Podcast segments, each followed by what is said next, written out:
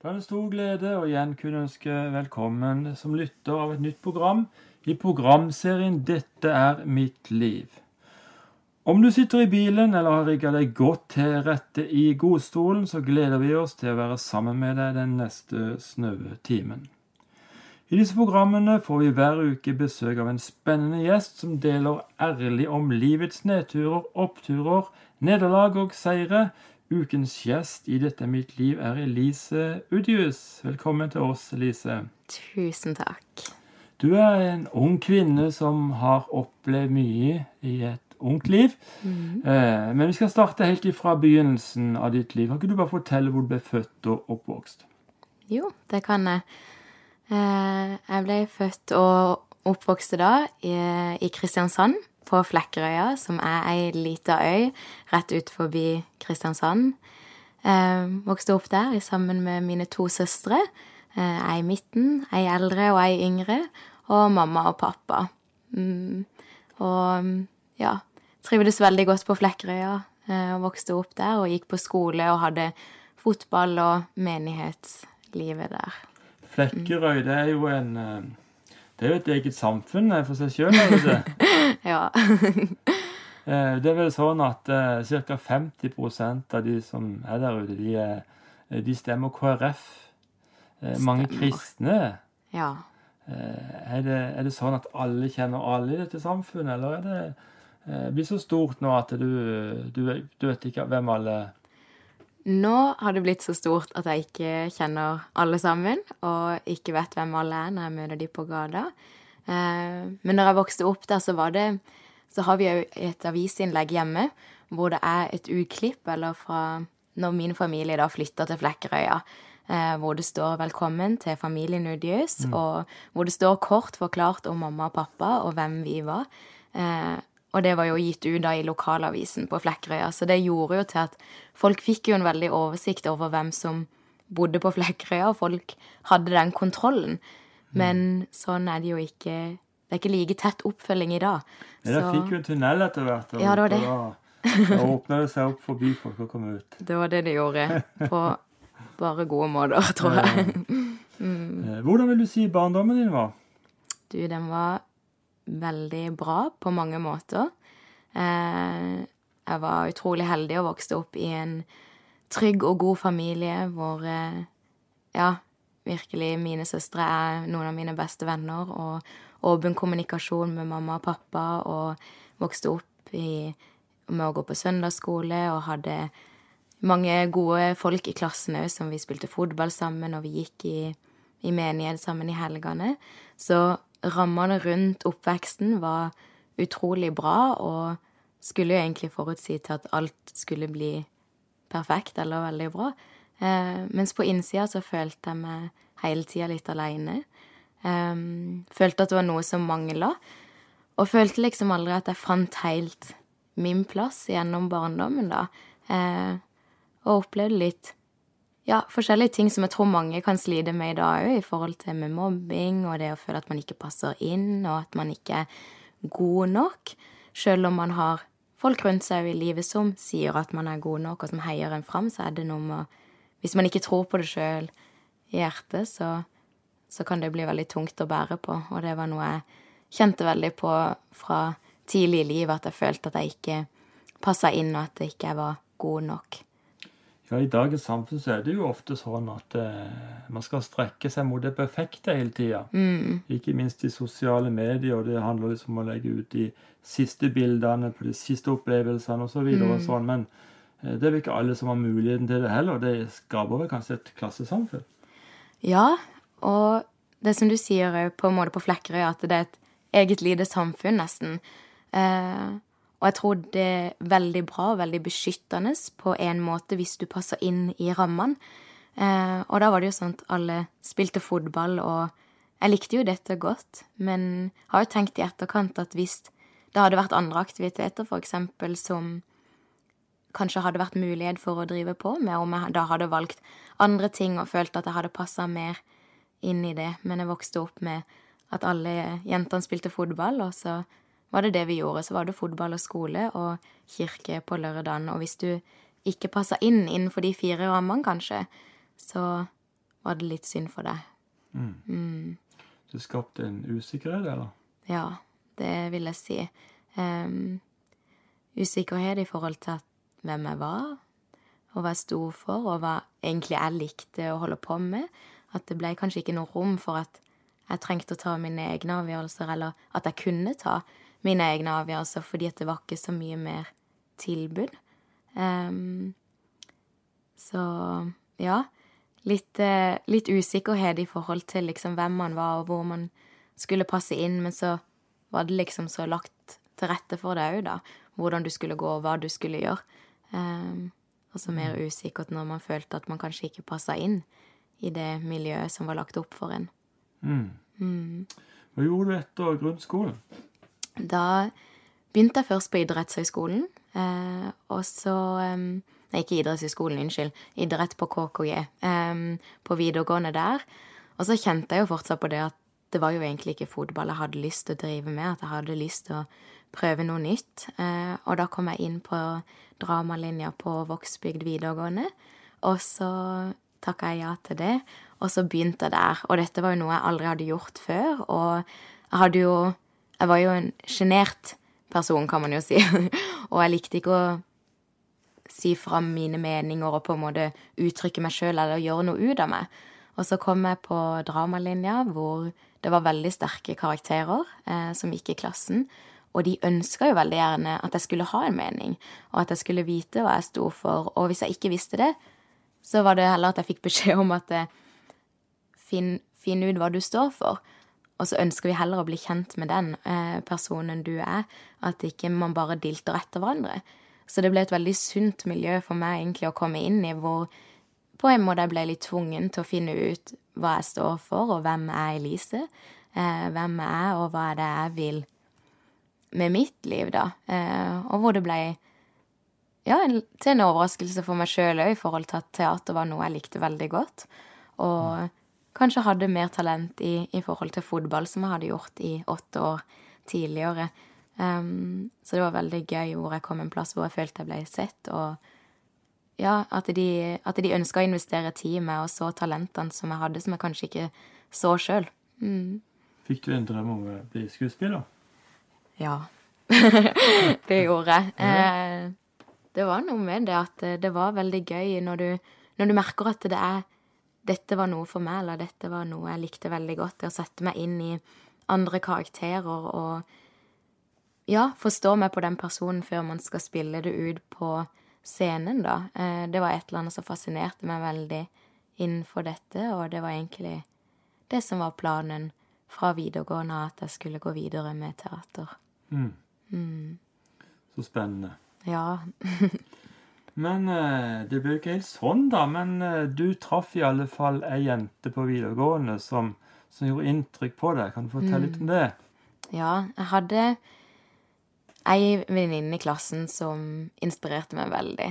Eh, det var jo som jeg sa tidligere, at, at jeg var veldig usikker på meg sjøl i forhold til hvor jeg sto med dette i forhold til kristendommen òg. Jeg var veldig usikker på om dette var noe jeg trodde på sjøl, eller om det var noe jeg bare gjorde fordi det var noe jeg hadde på en måte vokst opp med. Mm. At det var en rutine.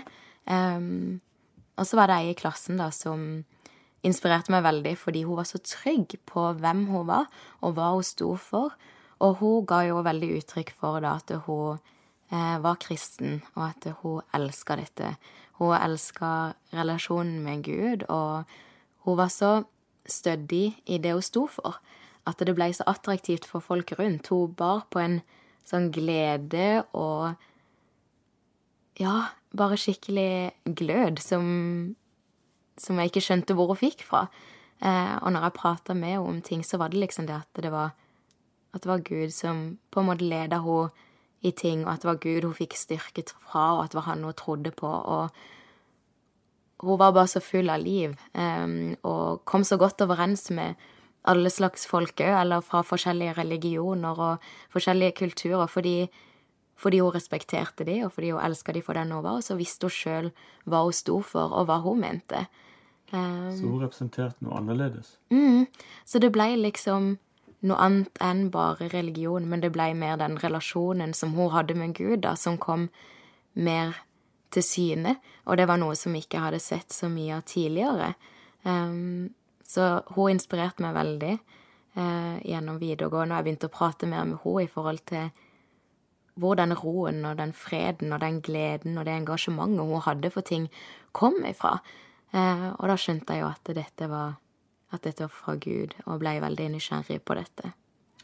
Eh, kan det sies at du tidligere var mer en slags kulturkristen, kan kalle det, på Flekkerøya? Ja. Jeg tror, og så tror jeg jeg fikk på en måte litt smakebiten òg på hvem Gud var, på konferanser. Og eh, når jeg var yngre og reiste på Impuls, eh, som er òg en musikkonferanse, en kristen konferanse, som er for ungdommer i Stavanger. Og da kan jeg huske at jeg reiste der, og jeg catcha liksom et eller annet det var et eller annet som fanga meg i lovsangen og under talene, og det var liksom noe mer. Og jeg kan huske at jeg satt igjen med den følelsen at jeg, og jeg skulle ønske at dette var noe jeg kunne ha mer enn én en gang i året. Eh, mer enn én en helg i året. Så det var noe jeg hadde fått smakebiten på, men jeg tror ikke jeg trodde på at, at det gikk an å ha det mer enn på festival, da. eller mer enn én en gang i året. Mm. Mm. Men eh, ditt møte og, og, dine samtaler med denne jenta, det, mm. det skulle også få med deg seinere. Hvilke mm. valg du tok? Kan du fortelle om det? Ja. Eh, så var det jo det Så kom på en måte slutten mot videregående, da. Og så, og så spør jeg henne hva hun har tenkt å gjøre etter videregående, og det er liksom da man skal begynne å ta sine første selvstendige valg og begynne å gå sin egen vei, som folk prater om. Eh, og jeg var veldig usikker på hva jeg skulle, om jeg skulle gå videre med teater, eller om jeg skulle begynne på et annet studie, eller hva jeg skulle gjøre. Eh, og så snakka jeg med hun venninna mi, da, og så, og så sa hun det at hun hadde lyst til å reise på bibelskole til Australia. Eh, og at hun ville være selvstendig, hun ville reise ut, hun ville reise alene, og hun ville virkelig bare bli enda bedre kjent med Gud og hvem, og hvem han var. Eh, og dette inspirerte meg veldig. Og jeg blei litt sånn herre Åh, jeg hadde aldri tatt en ordentlig avgjørelse i, eh, i, mitt eget liv før, og jeg hadde aldri reist vekk fra mamma di før, for jeg var så glad i de, og jeg er fortsatt så glad i de, mm. og veldig hjemmekjær. Um, og så, så jeg hadde jo ikke reist vekk fra de før, og ikke vært vekk fra de mer enn én uke før, og da lengter jeg veldig hjem. Uh, og ikke var jeg noe god i engelsk heller. Um, og så vidt jeg kom meg gjennom det. Uh, og allikevel så fikk jeg på en måte så lysten, eller på en måte lengselen, da, etter å, etter å reise ut.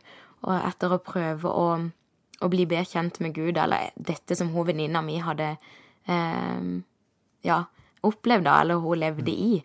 Um, så da bestemte jeg meg for å, å ta en bibelskole, jeg òg, i Australia. Som ikke var samme som hun venninna mi, for hun venninna mi ville jo òg reise alene, og da tenkte jeg da skal jeg jo være tøff og og klare å reise alene. Så da reiste jeg på noe som heter disippeltreningsskole, hvor det er tre måneder undervisning om hvordan det er å ha en relasjon med Gud i hverdagen. Så det er ikke nødvendigvis så mye bibelundervisning, men mer det at de underviser om hvordan du kan leve et liv i sammen med Gud, da, og i relasjon med Han, eh, hvor de refererer til Bibelen igjen. Eh, så hvor det tre måneder da i Australia, og så var jeg tre måneder hvor jeg reiste ut fra Australia, hvor man hjalp å jobbe frivillig rundt omkring i Malaysia og Nepal den gangen. Du lytter til 'Dette er mitt liv', og i studio så har jeg besøk av Elise Udius. Og Elise, du har jo delt mye spennende før denne musikalske pausen. Eh, mm. du fortalte at du var usikker, du hadde lavt selvbilde, du var dårlig i engelsk, men så reiser du, når du er 18 år, altså, til Australia. Ja. det tyder jo ikke på akkurat de tingene der. Du må fortelle åssen det var.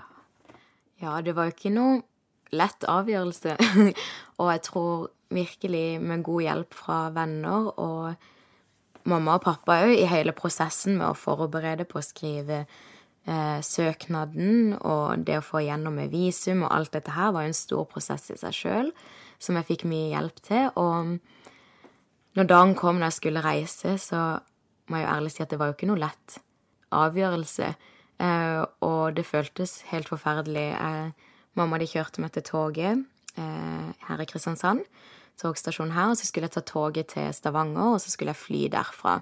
Hadde jo aldri flydd alene eller reist alene før.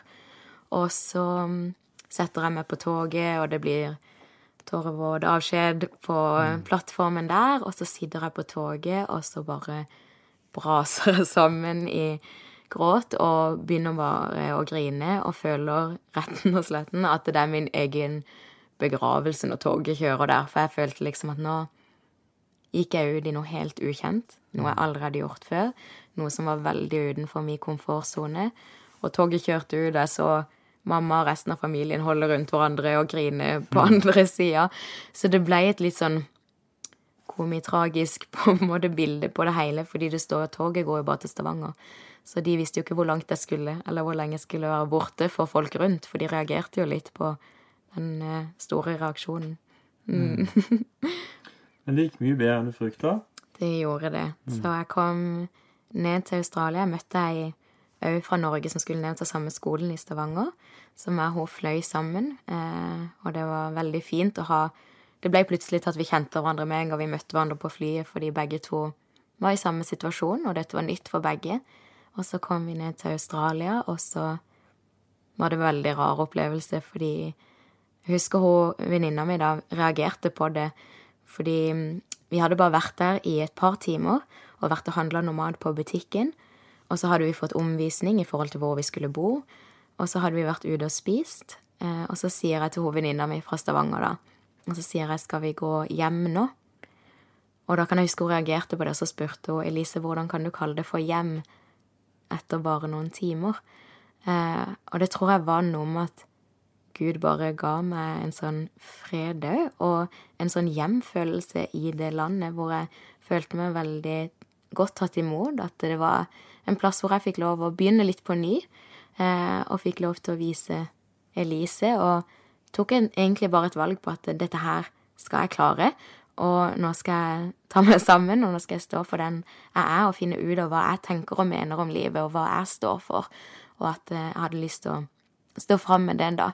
Eh, og jeg møtte de i klassen, og alle de andre var jo fra ulike engelsktalende land. Og jeg kan huske jeg forsto overraskende mer enn jeg hadde trodd. Så det var veldig eh, fint for meg, og at de var veldig flinke på å ta til seg folk som ikke hadde engelsk som førstespråk. At de var veldig flinke til å prate til meg i og med at jeg ikke var så god i engelsk. Og så er det jo lov å si at de amerikanerne, de prater jo en del. Så jeg ble litt letta for de prata så mye at jeg skjønte at her trenger ikke jeg å si så mye. Her kan jeg bare nikke med og smile og si ja, og så babler de i vei, for de har mye på hjertet. Mm. så det ble et veldig fint møte med Australia og disippeltreningsskole. Hva gjorde eh, undervisninga på disippeltreningsskolen med det? Mm.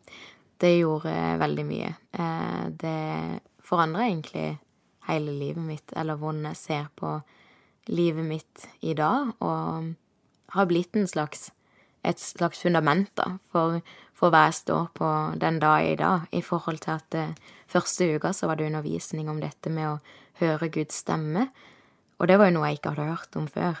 Eh, og visste ikke at han kunne tale til oss.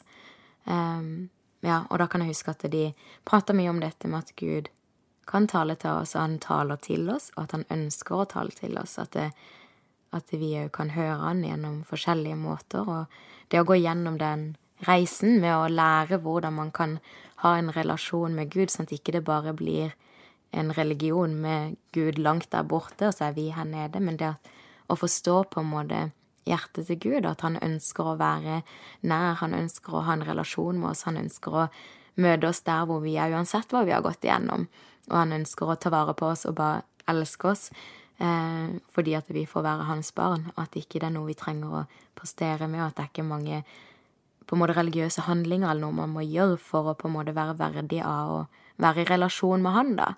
Det ble en ting som ja, ble veldig viktig for meg seinere i livet ble da ditt selvbilde forandra? Mm. Jeg kan huske Ja, jeg kan huske at eh, vi lærte om dette med å, å se seg sjøl på en måte gjennom Guds øyne, og la Gud få lov å fortelle hvordan han ser på oss.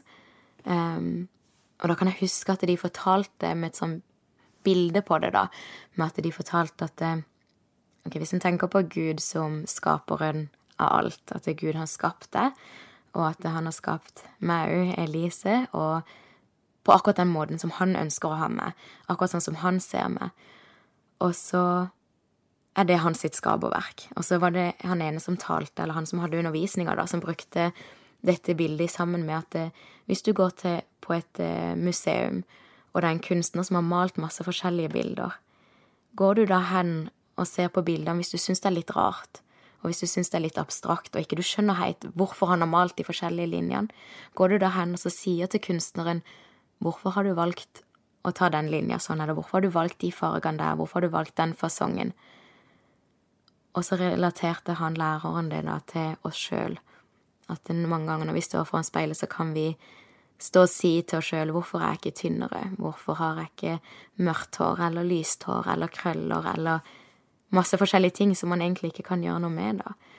Så sa han læreren at det, det samme er det med Gud, at det, da er det det samme som at vi går opp og sier til kunstneren, han som har skapt oss, at det, hvorfor gjør du ikke sånn, og hvorfor skapte du meg ikke på den måten? Og jeg tror akkurat det bildet er et bilde som satte seg veldig igjen på meg, at det, oi, nei, vet du hva, jeg er faktisk skapt av han, og han har valgt å skape meg på denne måten for en grunn og for en større mening, og fordi han syns det er fint, og fordi han elsker meg for den jeg er. Og det å lære å bruke tid med Gud, og det å lære å se meg sjøl gjennom hans øyne, og hvordan han ser meg, det ble veldig sterkt. Og jeg husker første gang hvor jeg da måtte på do imellom timene, og hvor vi hadde hatt mye undervisning på dette om å lære å se seg sjøl på den måten som Gud ser oss sjøl på. Og da kan jeg huske det var en av de første gangene hvor jeg så meg i et speil, og hvor jeg ikke klarte å slutte å smile. Mm. Eh, nå kjenner jeg jeg blir veldig rørt, men hvor jeg så på meg sjøl og for første gang var sånn her wow. At jeg er verdig, og at jeg er vakker. Og jeg tror det er lett at man kan glemme det i en hektisk hverdag, og hvor det er mye press fra media og ting rundt seg, at det er, det er vanskelig å se hvem han har skapt oss til å være, mm. og hvordan han ser oss som verdifulle, og hvordan han ser oss som vakre. Eh, og det å la seg sjøl få lov å se det, og det å la seg sjøl få lov å tro på at, det, at man er verdifull, og at man er fin i hans øyne, det ble veldig sterkt for meg. Mm. mm. Du lytter til Dette er mitt liv. Vi har besøk av Elise Udius i studio. Og Elise, du fortalte før denne pausen at du hadde reist til Australia, du gikk på bibelskole. Eh, og du, kjente, du lærte også å kjenne Guds stemme, og når du mm. kjente at Gud talte til deg, var også du, hva du skulle gjøre når du kom hjem. Kan du fortelle litt om det? Ja. Så eh, vi fikk spørsmål en dag på skolen om vi var villige til å legge ned våre egne planer og drømmer og spørre Gud hva han hadde for oss. Og det tenkte jeg det, det kan jeg jo gjøre. Jeg kan jo hive meg med på det. Så jeg ba en kort, enkel bønn og spurte Gud hva, hva han hadde for drømmer og planer for meg. Og så fikk jeg sykepleien. Og det var noe som kom veldig overraskende for meg, fordi jeg likte ikke blod og hadde ikke vært på noe sykehus før og har fobi mot tær, og det var liksom ikke det jeg hadde planer om å bli. Um, så jeg valgte å bare ikke si det til noen og bare tenke at dette her er jo ikke fra Gud, for jeg skal jo bli skuespiller. Um, og dagen etterpå så spurte læreren igjen om vi var villige til å stille oss sjøl det samme spørsmålet og be den samme bønnen til Gud, og jeg gjorde det. Uh, og jeg fikk det samme igjen, jeg fikk sykepleien. Og senere på dagen så kom òg lederen av skolen, han kom opp til meg og så sa han til Elise hver gang jeg ber for deg, så får jeg sykepleien. Men du må velge sjøl om dette er noe du vil ta til deg eller ikke. Men hver gang jeg ber for deg, så får jeg sykepleien. Uh, og jeg ble veldig stressa, og jeg syntes dette var veldig rart. Um, og jeg valgte igjen å bare ikke si det til noen, og bare Vi venter litt, tenkte jeg. Uh, og så senere på dagen òg så kom en annen leder òg opp til meg og fortalte akkurat det samme. Så da Da bestemte jeg meg for å at jeg ville prøve ut dette med å høre Guds stemme og det å gå i lydighet på det han legger på hjertet. Så jeg bestemte meg da til slutt med å legge ned teater for denne perioden, og det også søke meg inn på å bli sykepleier i Norge. Mm. Fantastisk at du fikk en sånn en beskjed fra Gud, da. For eh, du følte vekk at du hadde helt de kvaliteter som skulle til å bli sykepleier. Nei, ikke i det hele tatt. Og jeg husker første periode når vi kom på skolen og skulle lære det med å sette sprøyter, så var det sånn at når jeg Så skulle man liksom vente på at man hadde fått blodsvar. Da var det på at man var på riktig sted når man satte sprøyta. Og når jeg da fikk blodsvar og så det kom, så holdt jo jeg på å besvime. Eh, og læreren måtte bare holde tak i meg og bare 'Elise, OK, nå må du være på', liksom. Og jeg husker det bare ble helt svart, og jeg hang ikke med. Men, eh, men det har vært en utrolig kul reise, hvor jeg har lært utrolig mye. Og nå er jeg sykepleier i dag, og jeg jobba på akuttmottaket hvor det var mye blod og mye sprøyter. Eh, og det har gått så fint. Eh, og jeg tror bare det med å se virkelig den styrken som Gud har gitt meg eh, i det når jeg tar på meg uniformen og kommer på jobb, at han bare gir meg en sånn styrke, og at jeg, jeg tror ikke han mente at jeg skulle gjøre det aleine heller, men at, det, at eh, han ønsker ikke bare å ha en relasjon med meg hjemme eller i kirka, men han ønsker jo å ha en relasjon med oss på jobb og der hvor vi er. Og det har jeg merka veldig sterkt, at eh, Gud har virkelig vært med meg gjennom skolen på det med å meg alt av undervisninga. Syns det var tungt på skolen, syns det var mye pensum, men det at det, han hjalp meg med å få et eller annet system på det, sånn at jeg kom meg gjennom skolen. Og mm, videre også i jobb, at jeg har klart å, å være til stede på jobb og klart å handle i situasjoner som har vært litt mer kritiske enn andre, da, hvor jeg har klart å sette kanskje Lise litt til side, som har problemer med blod, og som kan synes ting er litt skummelt, og la Gud få lov til å ta mer kontroll og gi meg styrke og handle på den kunnskap og visdom som han har gitt meg. Ja, det er veldig spesielt at du som ikke tåler verken blod eller var den slags sure føtter, eh, kan, eh, kan, fungere. Dermed med jo når du får ja. på denne uniformen, så, så, skjer det noe som gjør at du bare har den utrustninga du trenger for å hjelpe mennesker. Og på et akuttmottak der er det vel litt av hvert så opplever, tenker jeg. Mm. Mm. Hvordan er egentlig livet på akuttmottaket? Det er veldig varierende. Det kan være veldig hektisk, eh, hvor det er masse pasienter som kommer, og man ikke vet hva som står rundt neste hjørne, hvor folk kan komme inn med ambulansen, eller folk kan komme inn gjennom legevakta eller fra fastlege, eller forskjellige veier, og så kan også det være helt rolig, om man sitter bare og venter. Eh, så jeg ble veldig imponert over eh, det norske helsevesenet som vi har, og følte at hvis jeg noen gang blir syk, så føler jeg at jeg blir utrolig godt ivaretatt. For det er veldig kult å se hvor mange folk som står klar i den døra når noen kommer med ambulansen eller noen har blitt syke eller skada. Eh, så veldig kult å få mer innsikt i det og få lov til å være en del av dette. Mm. Mm. Eh, når du skulle søke jobb, så ba du en spesiell bønn. Kan du fortelle litt om mm. det? Ja. Jeg bodde jo i Oslo når jeg studerte til å bli sykepleier, og trivdes veldig godt der. Jeg hadde ulike jobbtilbud og sånne ting i Oslo òg, men jeg følte at, at jeg var kanskje litt for komfortabel i forhold til på en måte Ja, livet bare generelt sett. Jeg hadde det veldig fint, og det er jo veldig bra, det, men jeg følte liksom at det var litt lite utfordringer i hverdagen også. Um, så jeg ba en bønn til Gud om at uh, jeg, har lyst, uh, jeg har ikke lyst til å leve komfortabelt, men ukomfortabelt for deg. Mm. Og det var med tanke på at jeg trengte å utfordre meg sjøl òg litt i relasjonen med Gud, og det å tørre å gå litt på vannet, um, som han har kalt oss til òg, som jeg tror. Uh, og det at så lenge vi da holder øynene eller blikket festa på han, eh, og søker visdom fra han, så vil han lede oss igjennom det. Så det ble egentlig min bønn i forhold til jobb og eh, tanker videre om hvor, hvor, jeg skulle gå, for jeg ønska ikke å stå stille og bare på en måte slå meg til ro med der hvor jeg er nå, selv om det er sykt bra. Men jeg tror Gud alltid har mer. Jeg tror han alltid har større planer og drømmer for oss enn det noen gang det no, vi noen gang kan fatte og forstå. Um, Og med det så ønsker jeg å be den bønnen og si til Gud at jeg har lyst til å leve ukomfortabelt for deg. Jeg har lyst til å ta et steg lenger ut i tro. Jeg har lyst til å ta et steg ut i det uvitende. Mm. Det er jo veldig, veldig bra. Noe av det som var ukomfortabelt for deg, det var vel å flytte tilbake til Kristiansand etter studiene. Mm. Kan du fortelle litt der?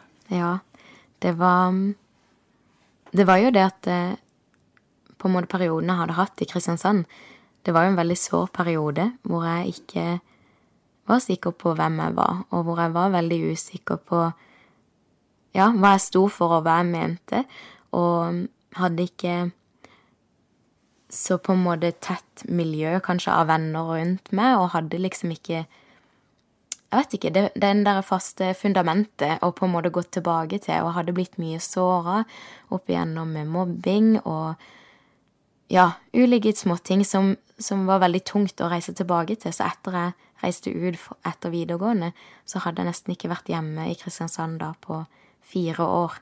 Um, og jeg følte at det var en av grunnene til at jeg skulle tilbake til Kristiansand. Det var for å gjenopprette egentlig litt min relasjon med Kristiansand.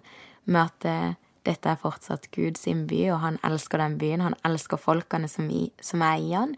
Og at jeg var kanskje uheldig og var på et feil sted i mitt liv, eller at jeg ikke hadde den troa på meg sjøl, da, og ikke visste hvem jeg var i Gud da, men at jeg skulle få en ny sjanse til å komme tilbake igjen og se byen med nye øyne, og det har virkelig vært en veldig fin reise å komme tilbake igjen til byen og bli kjent med folk og byen på nytt, og se hvor mye utrolig mye bra det er der, og så utrolig mange bra folk, og kjempefint sykehus å jobbe på, så det har virkelig vært en stor overgang å komme tilbake igjen. Det tok tid å på en måte gjenopprette den relasjonen til byen òg, men veldig fint og veldig glad for at jeg tok den kampen og ikke bare lot det være på en måte et sårt emne i livet, men at jeg valgte å ta tak i det, at jeg har ikke lyst til at det at det skal være sånn for Kristiansand. Vil at det skal være min by også. Jeg vil at jeg skal kunne få den hvilepulsen som jeg har funnet nå i Gud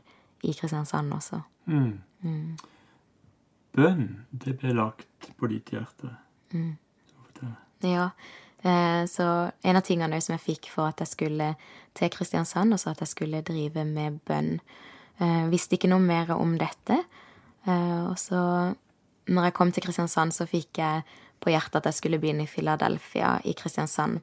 Jeg hadde ikke vært eh, medlem av Philadelphia før, jeg har ikke vært i Philadelphia noe aktiv tidligere. Men jeg følte dette var en menighet som Gud la på hjertet mitt. Um, så jeg endte opp med å gå ned der, og fra første møte jeg kom på, så fikk jeg beskjed om jeg kunne tenke meg å være med i bønn- og veiledningstjenesten i kirka. Og etter en stund så fikk jeg jo beskjed om at de trengte ny leder for bønn- og veiledningstjenesten på Ung voksen, og så fikk jeg lov til å være med og bygge opp og fortsette å bygge på den, den tjenesten da i kirka. Så det ble jo veldig sterkt i og med at det var liksom Det var ikke mange på en måte konkrete ting jeg hadde fått for å gå til Kristiansand, men det var liksom bønn, og så var det Kristiansand, og det å da kunne se hvordan Gud er så trofast eh, i det han sier, og hvis man er lydig til å gå på de instinktene man har fått, da, at han, han, er så trofast på det, at det der så var det et bønneteam som venta på meg og ble tatt imot med åpne armer, og all den frykten jeg hadde for å bli avvist igjen i Kristiansand, og det å ikke bli ønska velkommen, og det å ikke bli godtatt for å være den man var, ble jo bare tatt bort fordi det motsatte ble bevist. Eh, og det var utrolig viktig at jeg reiste tilbake igjen og fikk se det. Mm. mm. Etter hvert så har jo du eh, starta på en ny utdannelse. Mm. Fortell. Ja, så nå har jeg begynt på jordmor. Eh, så jeg tok et år hvor jeg reiste til Australia. Jeg reiste tilbake igjen eh, og tok en skole hvor jeg ble utdanna jordmor i u-land. Her så var det tre måneder med undervisning om hvordan bli jordmor, og hvordan bli en gudfryktende jordmor, hvor vi gikk i Bibelen, og vi leste i Bibelen i eksempel andre Mosebok, så står det en del om de første jordmødrene som kom, og hvordan de frykta Gud først. Eh, altså, de hadde De lytta på Guds stemme og kjempa for mennesker og kjempa for at barn skulle bli født. Eh, og det var liksom baktanken med skolen som òg vi tok, eh, med at vi skulle reise da videre til annet India og jobbe for barna der og ta imot barn og kjempe for at de skulle overleve. Mm. Og da kan jeg jo dele en eh, historie som var med på å prege mitt liv veldig eh, i forhold til det å bli jordmor og det å leve sammen med Gud i det å være jordmor. At eh, Ja, så var det en dag på sykehuset. Vi jobba på um, lokale sykehus i India, i Hyderabad. Eh, og her er de jo veldig fattige, og det er de laveste kastene som kommer inn på sykehuset. Og um, det var en dag på jobb, så på jobb så var vi jo, jeg må si det, at vi var en god gjeng som sto veldig i bønn på jobb også, at det var, det var veldig tungt. Du så mye død hver dag, og du så folk som kjempa for livet hver dag, og vi var, vi var med å kunne hjelpe til og eh, være og der hvor det trengtes. Og så var det en dag hvor jeg hadde akkurat tatt imot et barn, og så er jeg ute på, eh, på ganga og holder på med noe papirarbeid, og så hører jeg ei dame som har smerter i et annet rom, og jeg løper inn for å se hva som skjer. Og hun er helt alene, og fødselen er i gang. Um, og jeg roper på legen, og legen kommer også inn. Jeg får tatt imot barnet, og jeg får beskjed av legen at jeg får ikke lov å ta i barnet. Jeg får beskjed av legen at jeg må la barnet bare ligge mellom beina til mor, og må respektere at det er dødt. At det lever ikke. At det er ikke noe liv i det barnet. Um, og hele hjertet mitt bare ble knust. Um, og jeg syns det var helt forferdelig. Og på en måte det å få beskjed om at du får ikke lov å kjempe for dette barnet, du får ikke lov å gjøre noe, du får ikke lov å gjøre noen ting fysisk for det. Uh, og hele hjertet mitt bare skreik 'Jesus, hvor er du?' Uh, og jeg begynte å be høyt uh, til Gud om at han måtte komme, og at han måtte komme med liv over denne lille jenta som lå der mellom beina på mora. Og så plutselig så åpner hun øynene, og så trekker hun pusten, og så overlevde jenta i Jesu navn. Og de løp av gårde med henne opp på intensiven, og jeg fikk besøk henne flere dager i etterkant, og hun, hun, lever fortsatt, og hun har det fint. Og det bare blei så motivasjon for meg i forhold til å være jordmor, og det å binde sammen den relasjonen med Gud mm. og arbeide. At jeg ønsker ikke at det skal være separat. Jeg ønsker ikke at det, jordmor skal være en del av livet mitt, og Gud skal være en del av livet mitt, men jeg ønsker å kombinere det, og jeg tror på at eh, Gud ønsker å være en del av det, og jeg tror på at han berører folk gjennom oss når vi sier oss villige til å, til å være hans barn og til å stå for det vi tror på. Eh, og det blei egentlig en stor motivasjon og bare bekreftelse på at det er dette jeg har lyst til å jobbe med, det er dette jeg har lyst til å drive med, og at Gud virkelig lever i dag. At, eh, at han er til stede, og at han gjør mirakler hvor ikke vi fikk lov til å gjøre noen ting fysisk. Og allikevel så puster han liv inn i den lille jenta, så hun får leve i dag.